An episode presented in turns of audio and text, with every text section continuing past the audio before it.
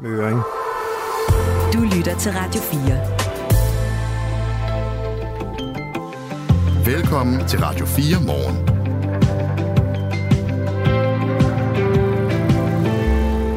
Menneskejagt i Belgien lige nu, efter to svenske statsborgere i aftes blev dræbt af skud i den belgiske hovedstad Bruxelles.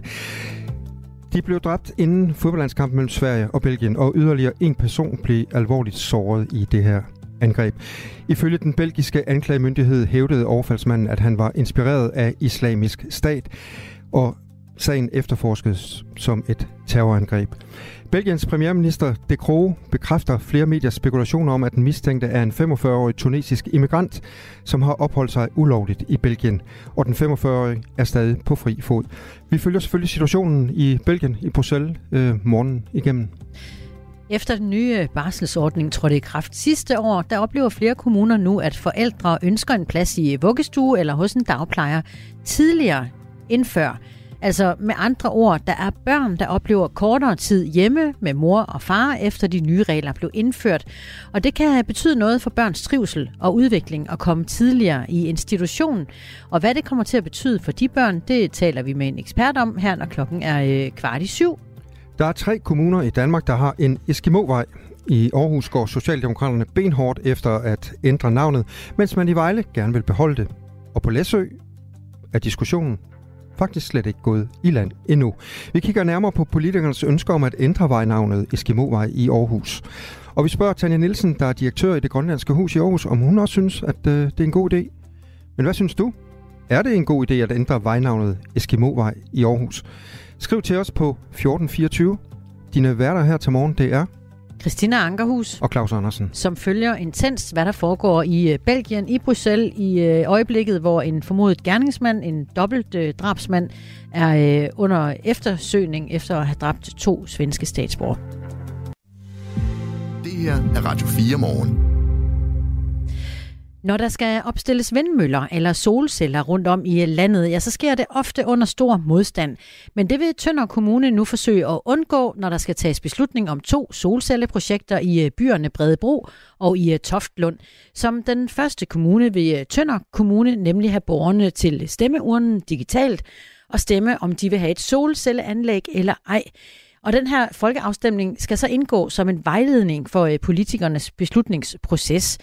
Jørgen Pop Petersen, øh, borgmester i øh, Tønder Kommune. Godmorgen. Ja, godmorgen. Hvorfor, øh, hov, der er der godt nok noget støj bag dig, Jørgen. Øh, er det noget, vi kan gøre noget ved? Ja, man skal prøve at se, om man kan flytte mig. Ja, i hvert fald øh, tal meget, meget tæt på din øh, telefonmikrofon. Ja. Godt. Hvis du stadigvæk er der, Jørgen, så bliver det i hvert fald meget bedre. Nej, nu øh, blev han faktisk helt væk, Jørgen. Han øh, forsøgte at finde sig et sted, hvor der var øh, noget mere stille, end der var tilfældet lige nu. Øh, vist nok står han i en svinestal. Nej, det lød sådan. vi ved det ikke. Det lød sådan, ja. vi får Jørgen Pop med, borgmester i uh, Tønder Kommune, for vi skal høre, hvorfor at man som kommune vælger at gå uh, forrest og uh, lave en afstemning blandt borgerne, når der skal tages beslutning om to solcelleprojekter. Det er ikke noget, der er blevet øh, prøvet før, og den her afstemning skal foregå anonymt. Man skal kunne stemme fysisk på øh, rådhuset, og der skal også være en digital afstemning på øh, kommunens hjemmeside. Og det er kun de borgere, der bor tæt på de kommende solcelleanlæg, der får muligheden for at stemme.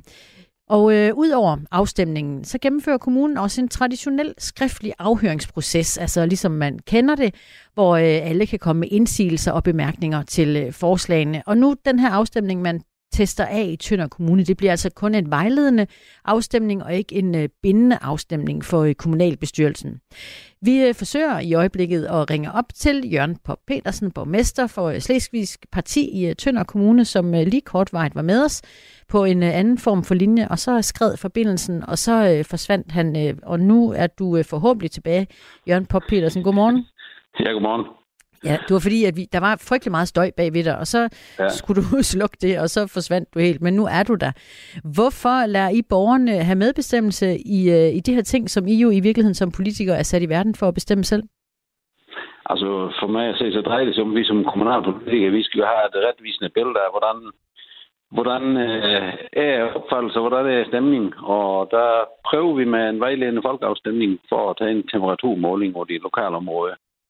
Men der er jo også øh, normalvis høringsprocesser omkring den her slags. Hvorfor er det ikke tilstrækkeligt? Altså, vi kender, at, altså, det var det jo sådan set af bundlinje, det er jo, at det stort set er sådan en vindmøller op i en række år. Og så tænkte vi i vores nye kommunalbestyrelse af det seneste valg, hvis vi nu bare fortsætter, som vi plejer, så, så slår vi nok koldbøtte igen. Så vi må prøve at se, om vi kan prøve at gribe det an nogle anden år. Det var det, meget almindeligt. Det er jo, altså det er et meget ømtåligt emne i lokalområdet med sådan en VE-anlæg. Og det var det meget almindeligt, det er jo, at folk stiller an med underskriftsindsamlinger for og imod. Og det er faktisk en, det kan godt være en rimelig stor provokation, provokation i lokalområdet. Og det er rigtig mange, som i virkeligheden ikke ønsker at stå offentligt frem for de er jo lidt ved anstød til øh, uvenskab i naboområdet. Så man kan sige, at det her det er et supplement til, hvor man i hvert fald en anonym måde kan tilkendegive sig, og det er i hvert fald givet et retvisende billede af, hvad folk de nu om mener.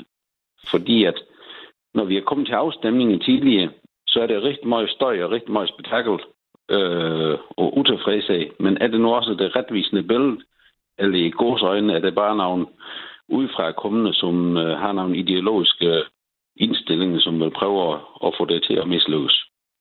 Har I været bekymret for, at dem, der råbte højst, at det var øh, dem, I hørte, det, det blev stemmerne i de debatter? Det kan man godt, det kan man godt komme i tvivl om nogle gange, ja. Mm. Øh, fordi at uanset hvordan øh, den aften i kommunalbestyrelsen skal tage stilling, så står det i hvert fald en hel masse mennesker uden for Råhus med spektakel og trommer og øh, der lyd, kan man sige, der. Men er det nu i virkelighed det retvisende billede for lokalområdet? Fordi at, altså det er da min opfattelse i hvert fald, at om det er jo Christiansborg, eller om det er ude i kommuner, så siger man, at politikere, at vi kræver sådan set, at det er lokal opbakning for at vi vil gå videre med det.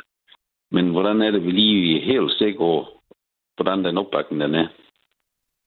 Og nu laver I en øh, anonym afstemning, så kan folk jo stå, øh, stå frem uden navnsnævnelse og sige lige præcis, hvad de mener.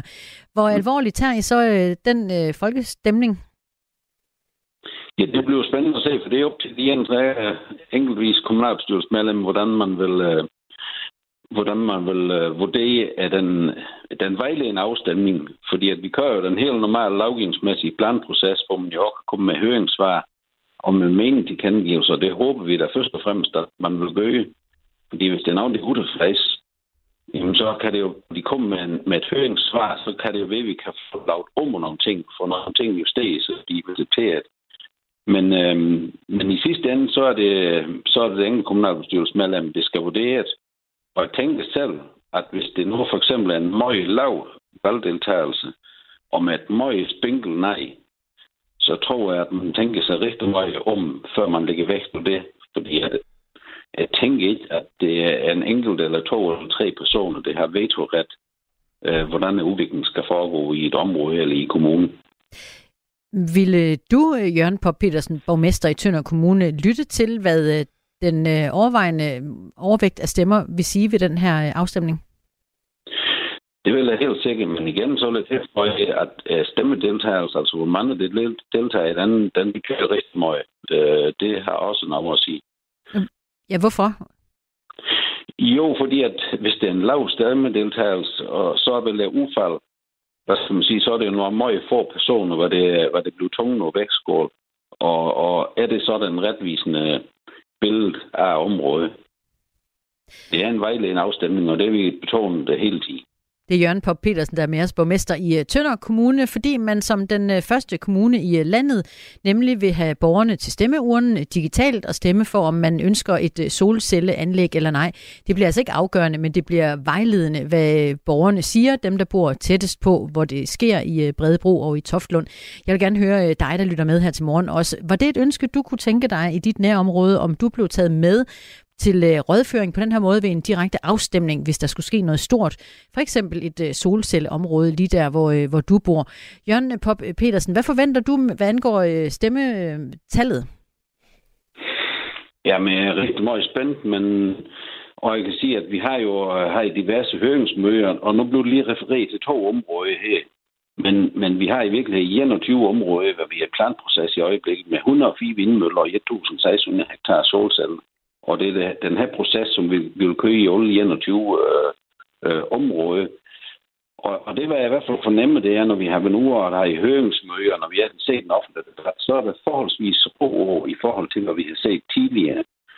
Og jeg tænker, måske det kan have at gøre med også, at det er faktisk et, rig, et rigtig bredt øh, udsnit af kommunalbestyret til 27 uger 31, hvor det har sendt de 21 områder i høring, og som har været med til at lave de her politiske retningslinjer, som vi kalder dem, hvor det stiller forudsætninger og krav op til øh, nye VE-anlæg, altså solenergi og, og vindmølleanlæg. Øh, men, men hvad nu øh, igen, hvis altså et, øh, et stort flertal, og der rent faktisk er mange, der går hen og stemmer, at de siger øh, nej tak til øh, solcelleanlæg i, øh, i, ikke i min baghave? Jamen altså, historisk set så er der nej, så nej til rigtig mange anlæg. Øh, så det vil selvfølgelig også kunne forekomme i øh, fremtid. Øh, det er jo ingen blankprojekt eller bare et apparat, hvor vi sætter i gang bare for at få og gennemtvinge de er. Jeg kan sige, at vi har, som sagt, så har vi 21 projekter i, i øh, planproces, men vi har, vi har så nej til en hel masse ansøgere. Altså, det er mange investorer og opstillere, som har sendt ansøgninger ind til Tøn Kommune. Og, og skulle vi, hvad skal man sige, skulle vi mislykkes med en hel række af de her projekter, som vi i øjeblikket har i planproces, jamen, så må vi prøve at kigge i bunke, om det er nogle anlæg, nogle projekter, og det kan se mere i går så en spiselig uge, øh, for at øh, vi ønsker der i hvert fald at forsøge at være med til at tage ansvar om den grønne omstilling i Tønde Kommune også. Men skal det forstå sådan, Jørgen på Petersen, at hvis et klart flertal siger nej tak til de her anlæg, så øh, bliver de ikke sat op?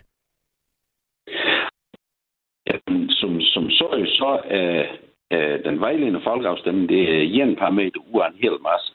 Men det, var man jo kan konstatere rundt omkring de danske kommuner, så er det jo stort set blevet så nej til samtlige vindmølleprojekter de senere år. Så det vil jo selvfølgelig også kunne forekomme igen. Men hvorfor så egentlig lave afstemningen, hvis den bare er vejledende, og I har inderst inde en øh, kommunal grøn drøm? Jamen, det er jo for at se, om vi kan få et retvisende billede, for som jeg så før, førhen, så, er det, så har det tigget en rigtig meget støj over, når vi har diskuteret konkret lokal anlæg. Men har det nu i virkeligheden været den retvisende billede?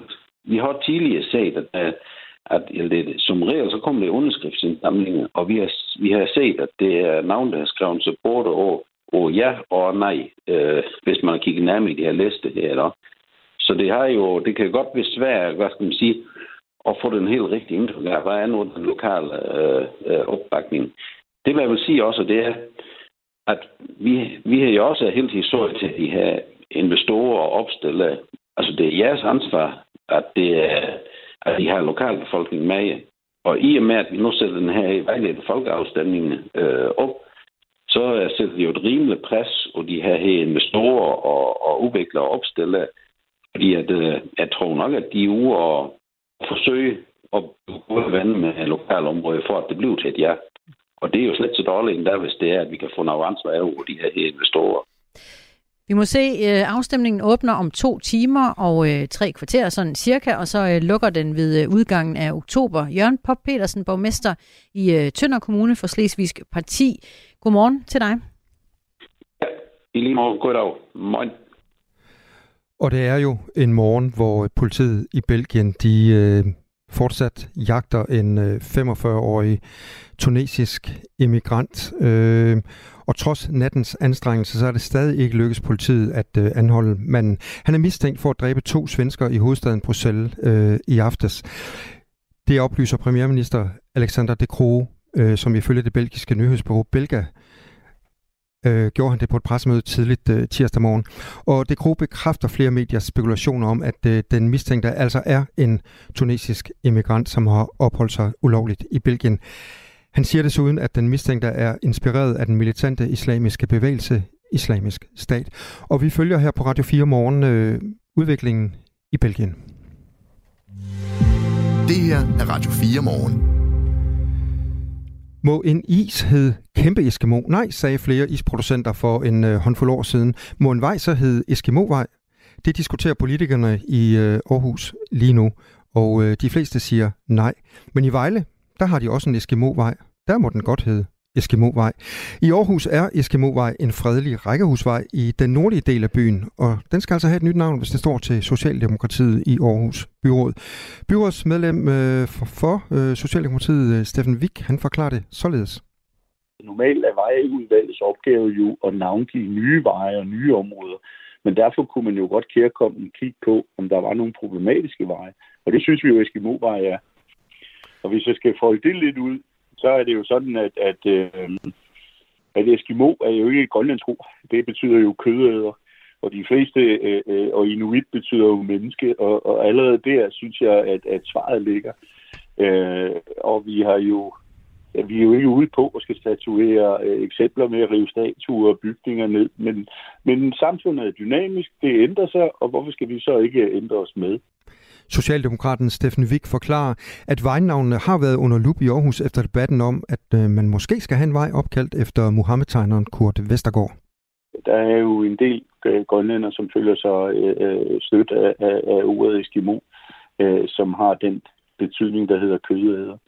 Øh, og så synes vi jo, at, at øh, som jeg sagde før, at samfundet er under øh, udvikling. Vi har jo haft eksempler med Pibis far, elefantens vuggevis, og jeg, jeg kan jo blive ved med alle mulige ting, og sådan er det jo. Men det er ikke vejnavne? Det Nej, men, men det er jo et eksempel på, at samfundet det, det, øh, det ændrer sig. Vi har også haft debatten øh, øh, omkring, det var sådan en plads, øh, vejplads om, om Simon Spies op i Helsingør, og det... det Den hedder stadigvæk Simon Spies plads. Det gør den, og jeg kan kun gentage, at vi har jo bragt det op i, det, i forbindelse med debatten af, af, af Vestergaards vej der. Vi, vi synes, at der var måske også en, en, øh, en mulighed for at kigge på nogle af de vejnavne, vi har i Aarhus. Nu er det kun lige Eskimo-vej, jeg lige kan komme i tanke om, som jeg synes... Øh, det er også det, vi det laver indslag om her. Øh, hvad, hvad ja, er, hvad, hvor mange klager har I fået fra mennesker, der synes, at Eskimo-vej er upassende? Øh, vi har ikke fået det nogen. Det var forvaltningen, der bragte op, at der var borgere, der havde skrevet ind omkring øh, Eskimo-vej, og det var i den forbindelse, vi, vi drøftede det. Det ved de. Det ved jeg ikke. Og jeg, det, øh, jeg ved, det, kan jeg, det forsvar, sagde forvaltningen ikke noget om. Men det ved øh, Aarhus Stiftstidende angiveligt, for ifølge avisen er der kommet en borgerklage over navnet Eskimovej. Det var vores kollega Kasper Harbo, der talte med Steffen Vik. I Vejle havde man en øh, lignende diskussion for tre år siden. Eskimovej i Vejle ligger i den sydlige ende af byen i et kvarter, der både rummer private boliger og virksomheder.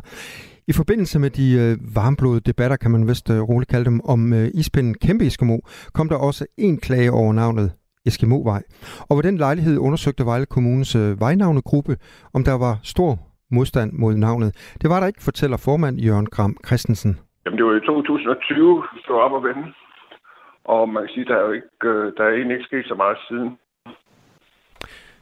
Udover at der jo, hvad hedder det, at indhente nogle udtalelser fra øh, blandt andet formanden for Fællesforeningen Inuit, som havde den klare, klare holdning, at øh, der ikke var noget nedsættende i, i ordet. Og det er jo sådan set, øh, øh, det er jo sådan set seriøst nok, at man, øh, at man kan bruge det som argument, når det nu kommer fra øh, foreningens egen formand. Er der ikke nogen, der har henvendt sig øh, med, med følelsen af, at, at det går over stregen, at den vej hedder Eskimo-vej?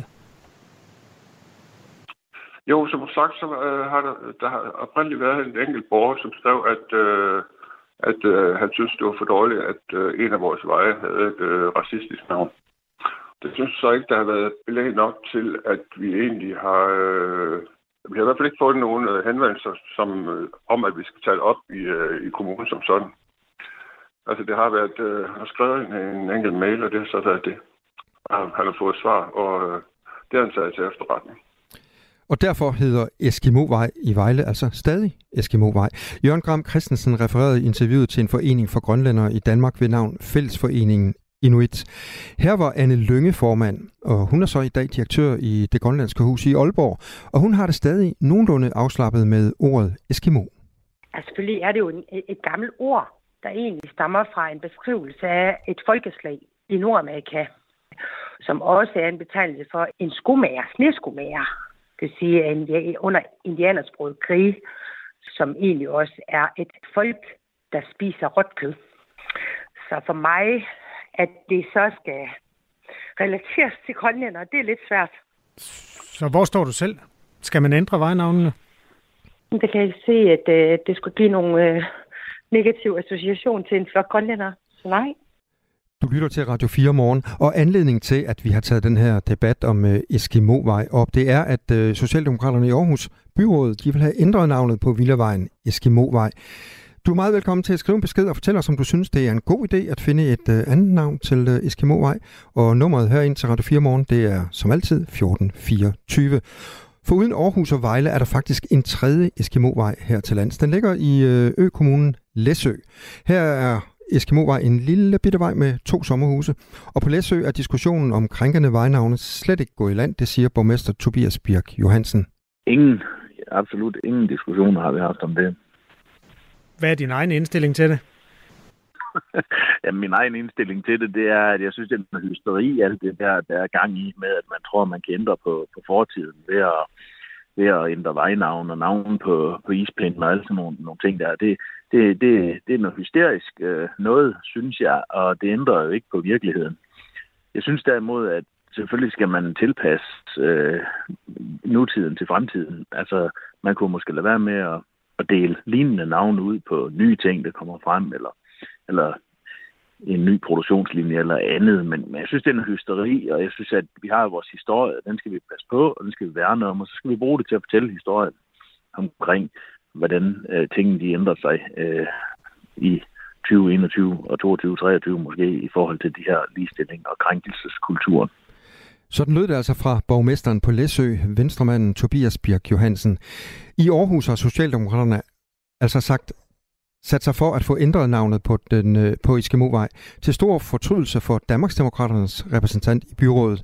Og den debat, den tager vi mellem øh, de to partier lige her i din morgenradio kl. cirka kvart i 8. Men før det, lidt over syv, kan du høre en gæst fra det grønlandske hus i Aarhus komme et forslag til et nyt navn til Eskimovej. Og øh, hold nu godt fast. Nu prøver jeg lige at udtale øh, forslaget. Forslaget hedder Anarulungkurkvej. Ah. Det er nok ikke helt korrekt, og jeg er ikke helt stiv i, øh, i grønlandsk. Men øh, hvis du bliver hængende, så kan du høre en grønlænder udtale øh, navnet korrekt. Det sker efter nyhederne kl. 7. Der er kommet et par sms'er til os i Radio 4 Morgen på øh, den her nyhedshistorie. Der er øh, for eksempel Heis i København, der skriver, hvis man øh, fortsætter med al den censur, selvom man gør det i en god hensigt, begynder det at lugte og tangere af fascisme, for øh, hvornår stopper det? Det er Heis, der har øh, tykket på det. Vestjyden skriver, at øh, ved sådan en øh, navnemodstand, ja, der kunne en folkeafstemning jo være en god idé. Så er det også øh, de øh, få, der bestemmer og skaber problemer, hvor ingen problemer er, skriver Vestjyden. Så det var lige en kobling til øh, Tønder Kommune, der jo har lavet en øh, folkeafstemning angående solceller. Så der var lige koblingen kobling der, som Vestjyden benyttede sig og skrev ind på, øh, på 1424. Det kan du også gøre. Det her er Radio 4 morgen. Og klokken er blevet to minutter i øh, halv syv på en morgen, hvor øh, belgisk politi stadigvæk har fuld gang i en, øh, en menneskejagt. Efter to svenske statsborgere i aftes blev dræbt øh, af skud i den belgiske hovedstad Bruxelles. Det blev de inden fodboldlandskampen mellem Sverige og Belgien, og yderligere en person blev alvorligt såret i, øh, i det her angreb.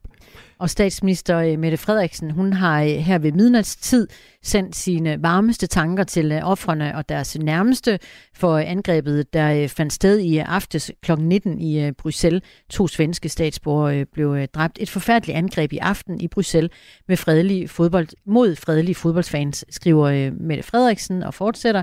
Danmark står skulder ved skulder med Sverige og Belgien i kampen mod terror. Sådan skriver hun i et opslag på det sociale medie X. Og ifølge den øh, belgiske premierminister Alexander De Croo, så øh, er gerningsmanden en øh, tunesisk øh, immigrant, 45-årig tunesisk immigrant, og han jagtes altså lige nu for drabet på de her to svenskere i øh, Belgien. Trusselsniveauet i øh, Bruxelles er øh, efter skudepisoden i aftes blevet hævet til niveau 4. Det er landets højeste, mens der i resten af landet er et niveau, der hedder øh, 3. Og det betyder, at der i Bruxelles vil være en markant øget polititilstedeværelse i gaderne og i særligt følsomme områder. For eksempel der, hvor svenskerne ofte kommer i hovedstaden, der vil der være ekstra beskyttelse, fortæller ministeren også i, i Bruxelles i Belgien. En, øh, et øjenvidne i Bruxelles fortæller til den belgiske øh, eller til en belgisk avis, at øh, han stod som navlet til jorden, da han var vidne til, at den øh, gerningsmand pludselig åbnede ild og skød de her to svensker i den belgiske hovedstad. Og ifølge avisen, så var det en mand iført en øh, orange jakke, som åbnede ild og angiveligt råbte Alua Akbar, som betyder Gud er stor på arabisk. Nu klokken halv syv. Nu er der nyheder på Radio 4. Belgisk politi jagter fortsat den gerningsmand, der i aften skød og dræbte to svenske statsborgere ved terrorangreb i landets hovedstad Bruxelles. Det oplyser landets premierminister Alexander De Croo ifølge det belgiske nyhedsbureau Belga. De Croo fortæller, at den mistænkte er en tunesisk emigrant, som har opholdt sig ulovligt i Belgien. Han siger desuden, at den mistænkte er inspireret af terrorbevægelsen Islamisk Stat.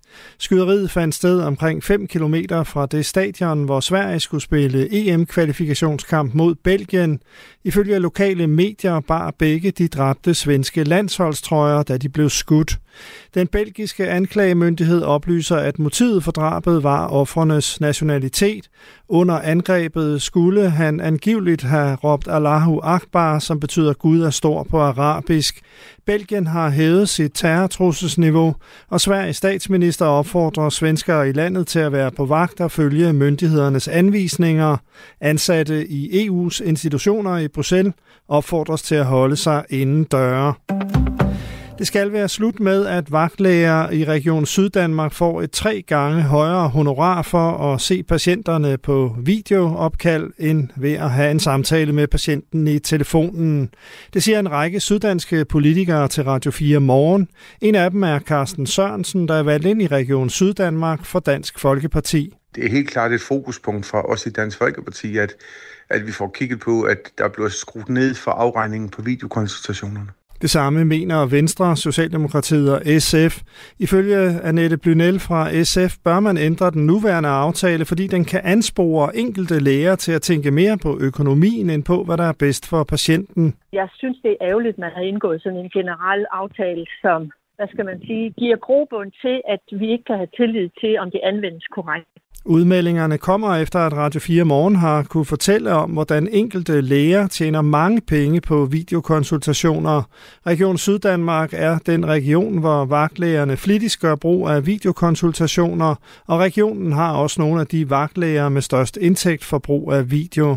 Der er meget mere om den historie i Radio 4 Morgen efter nyhederne.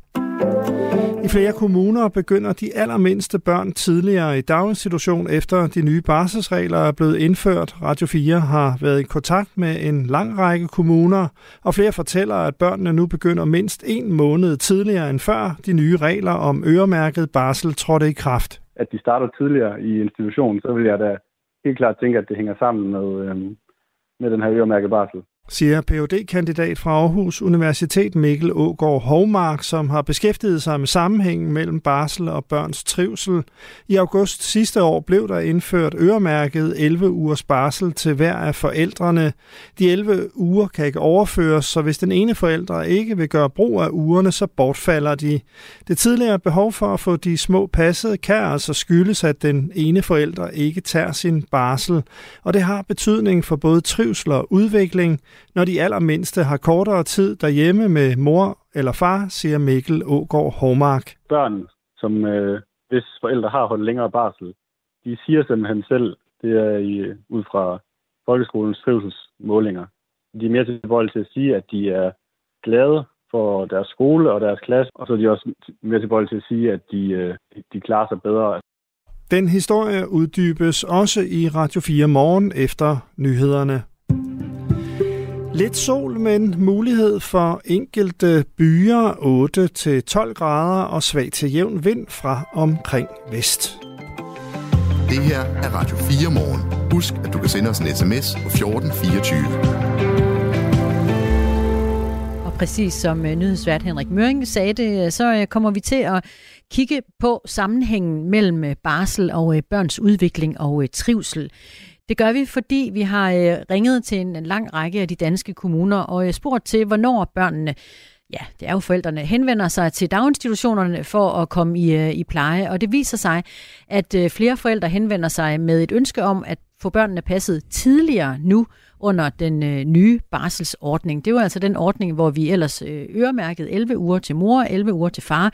Øh, de kunne ikke øh, bytte rundt på ugerne, og det viser sig nu flere steder, at øh, børnene på den bekostning bliver afleveret tidligere i institution. Hvad det har af konsekvenser, ja, det ved en øh, klog mand, der kommer i øh, studiet lige om lidt. Det er Mikkel Ågaard øh, Hovmark. Det her er Radio 4 morgen. Hvor termometeret lige nu viser 5 grader. Efteråret og den kolde tid har altså for alvor meldt sin ankomst. Og det betyder også, at vi tænder for varmen i vores øh, lejligheder, i vores huse. Så er det store spørgsmål, hvad kommer det så til at koste os at holde varme med fjernvarme i, øh, i vores hjem den her vinter? Vi ved allerede, at landets fire største byer skruer op for priserne på fjernvarme, men øh, hvad med resten af landet? Det kan du gøre os klogere på, øh, Bettina Ågaard Vester, konsulent i Dansk Fjernvarme. Godmorgen. Godmorgen. Du sidder med overblikket over varmepriser i øh, fjernvarmesektoren. Kommer danskerne til at se prisstigninger for at varme hus eller lejlighed op øh, den kommende vinter? Ja, altså for den enkelte forbruger, så kommer det selvfølgelig an på, hvor du bor, og hvilket fjernvarmeselskab du har, og dermed også hvilken pris de har, fordi at der er forskellige steder på fjernvarme rundt i landet. Men hvis vi kigger på landsgennemsnittet, jamen så er vi ved at være så tæt på nytårsaften nu, at vi godt kan begynde at se nogle generelle tendenser på prisudviklingen i fjernvarmeselskaberne her for den kommende vinter. I foråret der så vi en del selskaber sænke varmepriserne, fordi at energipriserne ude på markederne var lavere end forventet. Men der har vi så i de seneste måneder set en overvægt af selskaber, som har måttet hæve prisen for den kommende vintersæson. Og som du også selv var inde på, så har vi altså set prisstigninger i alle de større byer her for nylig for vintersæsonen. Så hvad er det for nogle alt tendenser, ser vi I kan se nu? i en vinter, hvor den gennemsnitlige fjernvarmepris på landsplan, den vil nok tage et nyk opad i forhold til sidste vinter. Så hvad er det for nogle tendenser, I kan se, siger du? Jamen, vi kan se, at øh, altså, hvis, man lige, hvis jeg må starte et lidt andet sted, jamen, så er der jo to forskellige ting, som påvirker prisudviklingen i, i fjernvarmeprisen i år rigtig meget. Og øh, det er faktisk lidt de samme ting, der både påvirker, om prisen ryger op nogle steder og ryger ned nogle steder. Altså vi, vi kan både se uh, selskaber, der udmelder prisfald for den kommende vinter, og selskaber, som melder, at prisen kommer til at stige. Og for det første, så handler det jo om, hvorvidt at den udvikling, som har været i energimarkederne, de har været som selskaberne forventede, da de tilbage i 2020 skulle lave deres budget for 2023. Fjernvarmesektoren den er underlagt det, der hedder hvile i sig selv regulering, og det betyder egentlig bare, at alle fjernvarmeselskaberne de er non-profit. Så når de lægger et budget, jamen, så forsøger de altid at gå i nul. Hvis der er plus på bundlinjen det ene år, så skal det betales tilbage til forbrugerne det næste, og omvendt. Derfor så er der ikke rigtig nogen, der skummer fløden på bekostning af varmekunderne, og hvis selskaberne midt i året ser, jamen hov, vi har noget luft i budgettet, så vil de ofte sænke prisen men der er heller ikke nogen andre end varmeforbrugerne til at betale, hvis brændselsomkostningerne bliver højere, end de har forventet. Bettina Ågaard, Så det er ligesom den eneste omkostningsdriver. Ja, Bettina Ågaard Vester, hvis vi lige skal prøve at være konkrete og, og, og, og komme tæt på, på det, som uh, interesserer den enkelte forbruger. Altså, bliver det dyrere for den enkelte forbruger i den kommende vinter? Og hvor vil man kunne gå ind og se, uh, hvordan priserne ser ud lige præcis i det område, hvor uh, jeg bor? Jamen, øhm, det er jo et godt spørgsmål. Du vil, hvis du går ind på sider som øh, dit eget fjernvarmeselskab hjemmeside, er jo i virkeligheden det aller, allerbedste sted at starte. Så hvis du googler dit fjernvarmeselskab hjemmeside, så vil du, når du kommer ind på den, kunne se, om de allerede har fastlagt budgettet for 2024, og om prisen er meldt ud. Øhm, og det er egentlig det eneste rigtige sted at starte. Altså, der er sider ude på nettet, som ligesom giver dig et overblik over priserne i hele landet, men det er jo ikke sikkert, at de altid er fuldstændig opdateret. Og når det så bliver dyrere øh, nogle steder, øh, hvad er så årsagen til det? Jamen, som jeg lige har sagt, så nogle gange så er det, bliver det simpelthen dyrere, fordi at priserne ude på markedet, vi ser jo, at energimarkederne de bevæger sig rigtig meget i de her år, og derfor kan det være svært for selskaberne at forudsige et år i forvejen, hvad der kommer til at ske den kommende vinter. Øhm, derudover så er der jo også det, at fjernvarmeselskabernes produktionsteknologier, de er meget forskellige, så fjernvarme, selvom at det egentlig er øh, varmt vand, der løber ud i din termostat, når du drejer på den, og så bliver der varmt i din stue. Det er jo den samme vare, som alle fjernvarmeforbrugere modtager, men den vare bliver bare ikke produceret ens.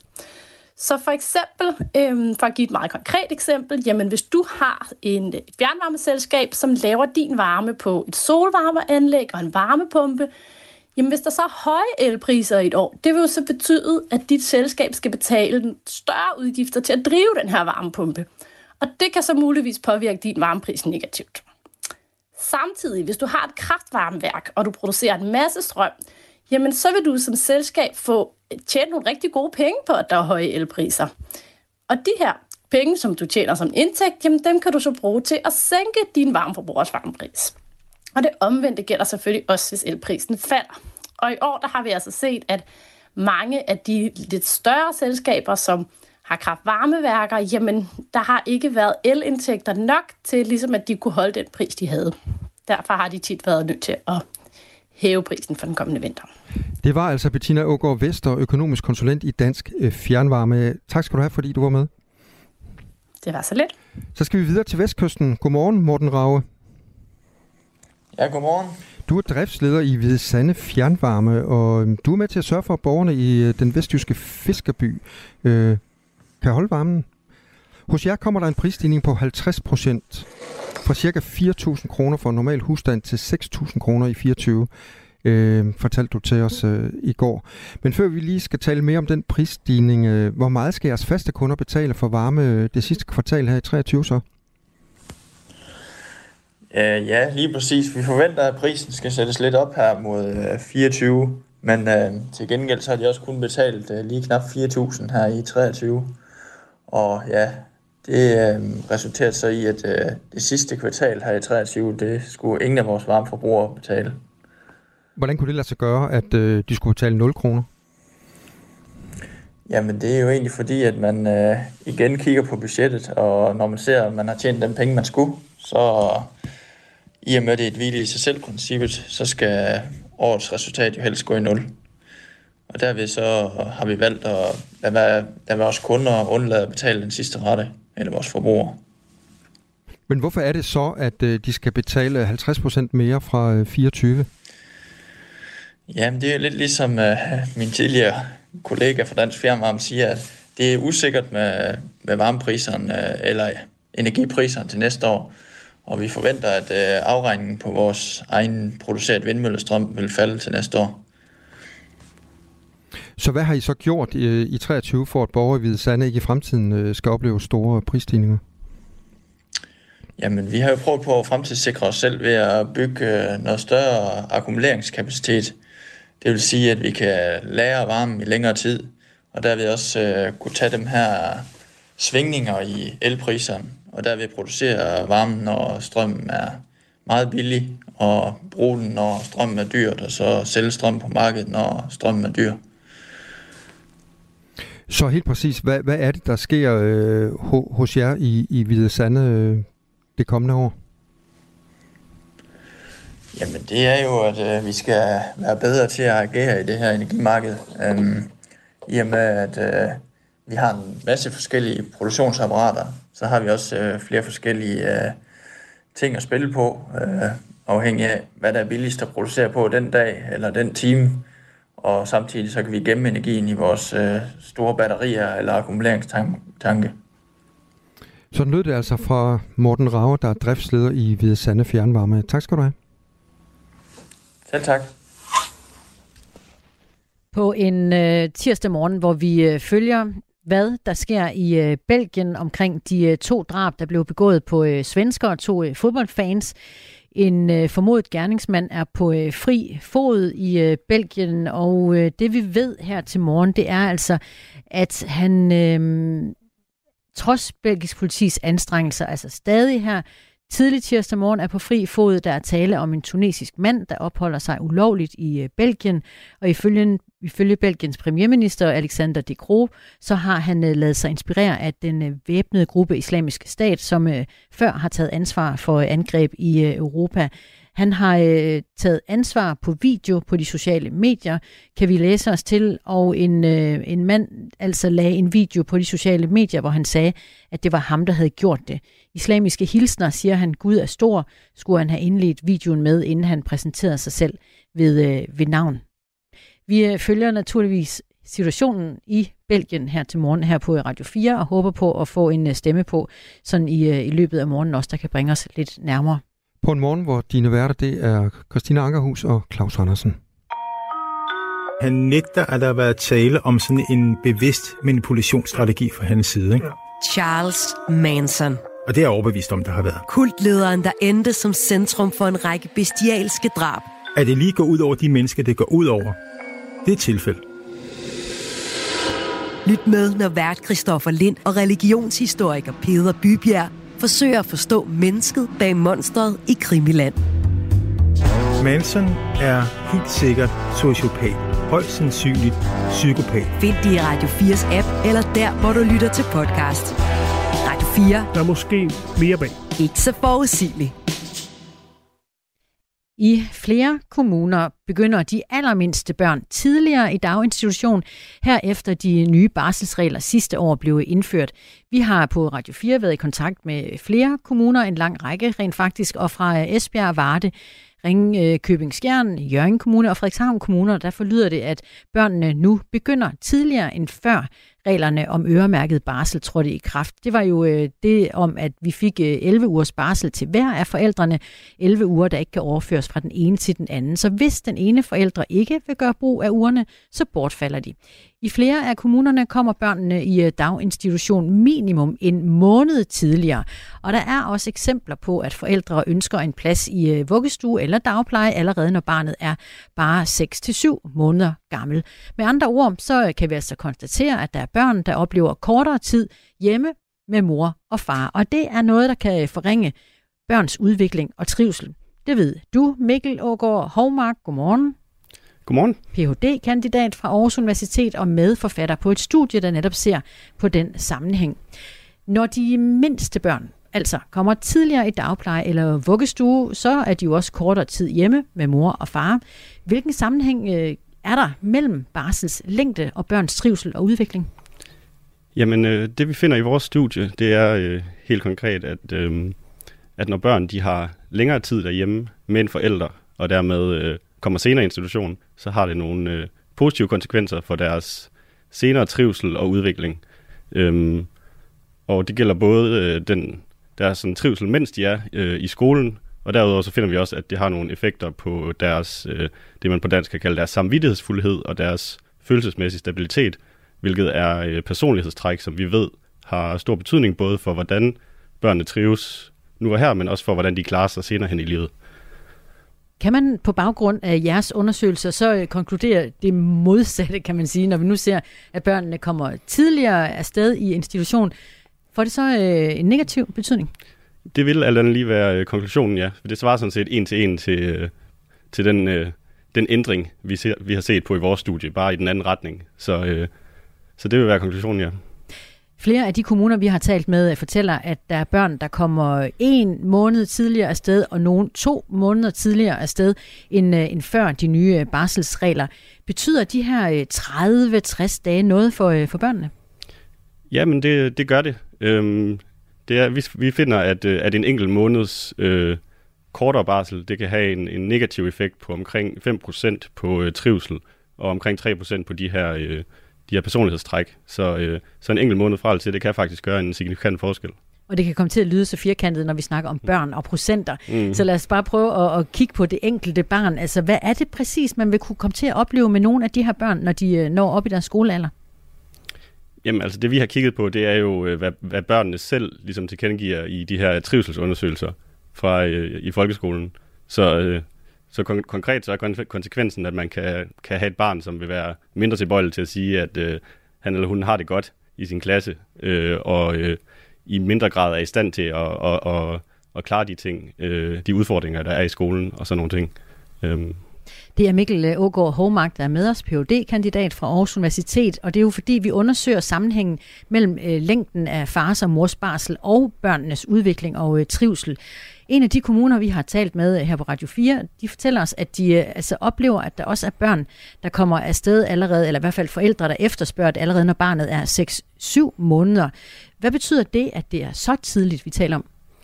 Jamen det, det, at det er så tidligt, det vil alt andet lige kunne gøre øh, effekten endnu større. Altså, øh, vi ser også en tendens til i vores studie, at de tidligere måneder betyder mest.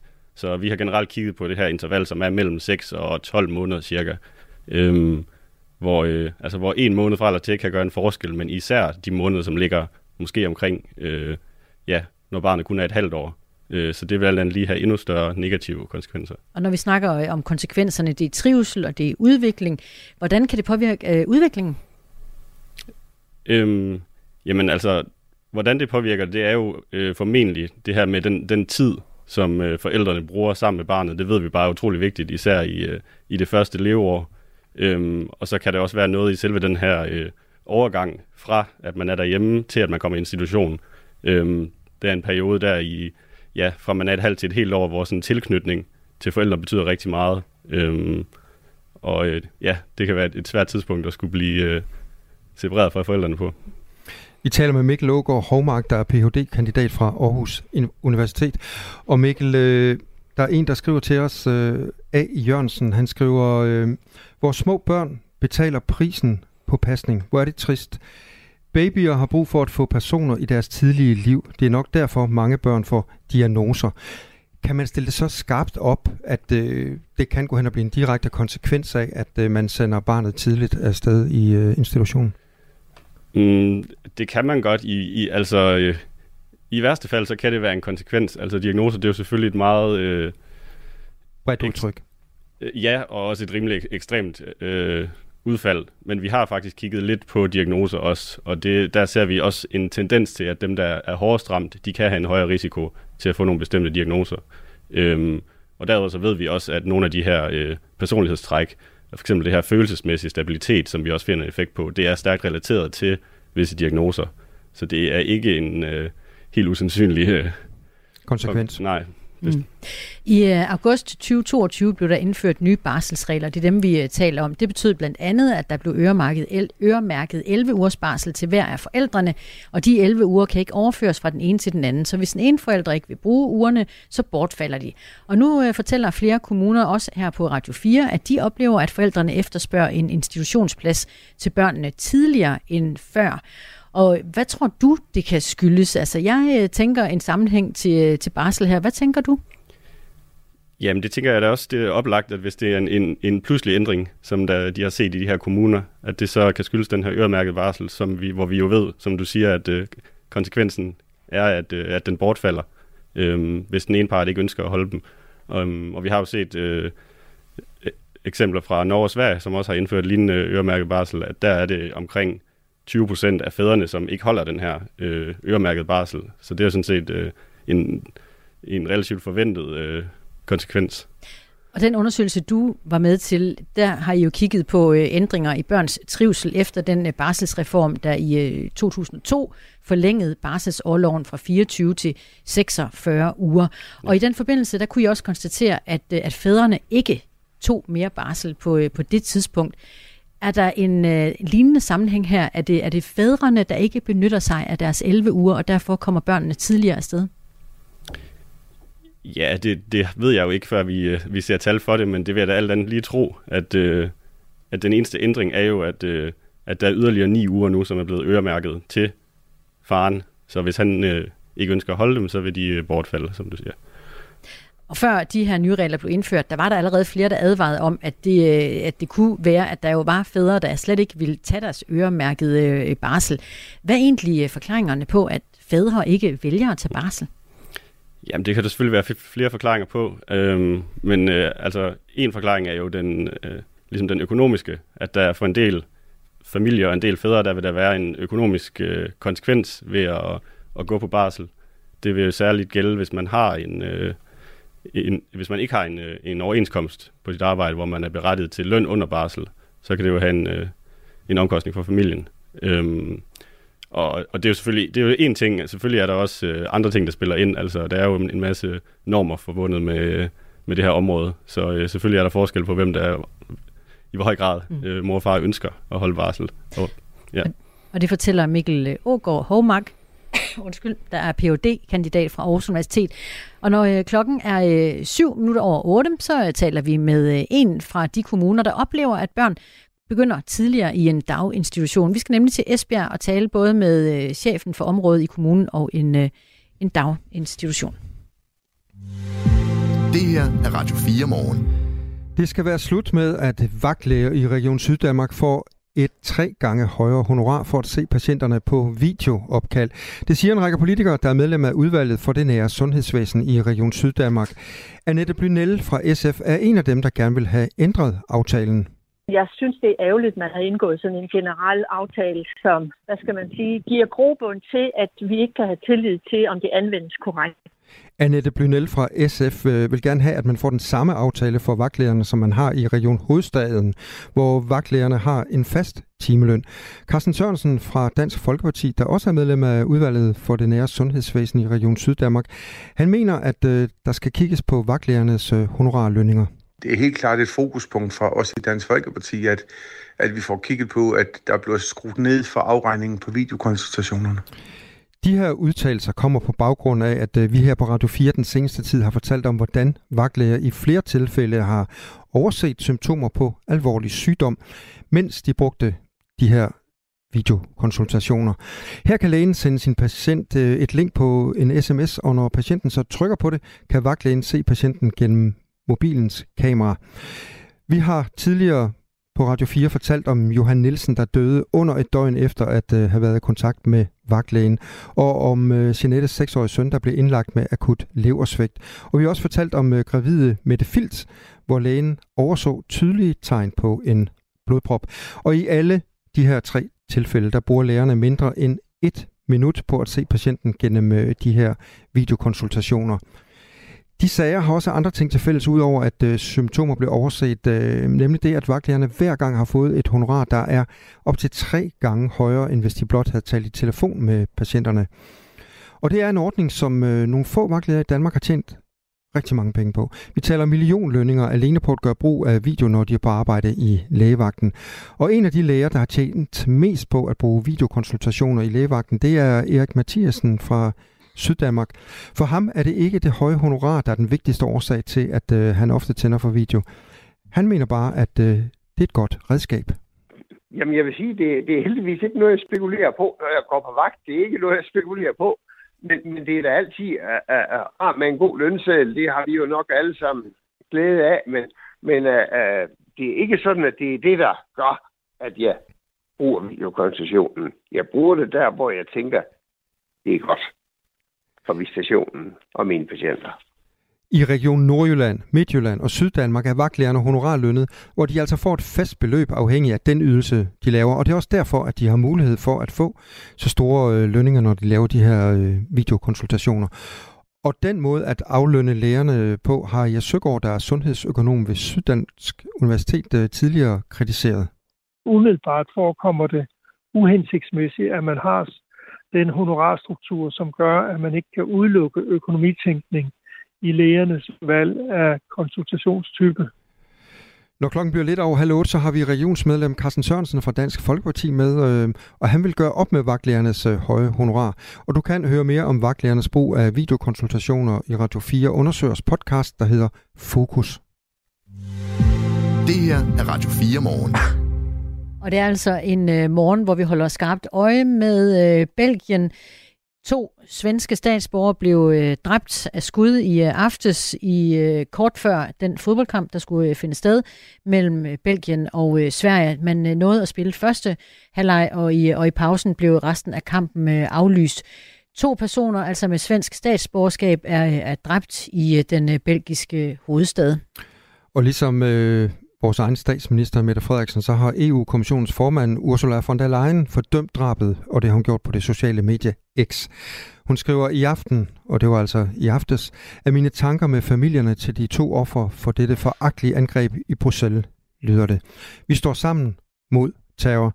Og baggrunden for, at hun skriver det her, øh, det er altså, at øh, to svenske statsborgere er blevet skudt øh, på åben gade i Bruxelles i aftes kort før en øh, fodboldlandskamp mellem øh, Sverige og Belgien. Og trods nattens anstrengelser er det stadig ikke lykkedes politiet i Belgien at øh, anholde manden, der er mistænkt for, for de to drab. Det oplyser landets premierminister Alexander De Croo, og øh, det har han gjort her tidlig tirsdag morgen ved et pressemøde, og han øh, bekræfter flere mediers spekulationer om, at den mistænkte er en øh, tunesisk immigrant, der har opholdt sig ulovligt i Belgien. Og øh, han siger i øvrigt selv, at han øh, er inspireret af den militante islamistiske bevægelse Islamisk Stat. Ifølge flere medier har han lagt en øh, video ud på de sociale medier efter drabene. Nu er det jo sådan, at øh, Danmark også skal spille fodbold i, i, i aften. De skal spille landskamp mod San Marino i San Marino. Og i den forbindelse så skriver DBU, øh, forholdene er uændret for danskere i udlandet. Det siger Jakob Højer før udkampen, altså i aften mod San Marino. Tirsdag morgen, og øh, vi øh, følger selvfølgelig op og holder skarpt øje, og det gør Henrik Møring også i nyhedsstudiet. Ham vender vi blikket mod klokken er syv. Du har lyttet til en podcast fra Radio 4. Find flere episoder i vores app, eller der, hvor du lytter til podcast. Radio 4. Ikke så forudsigeligt.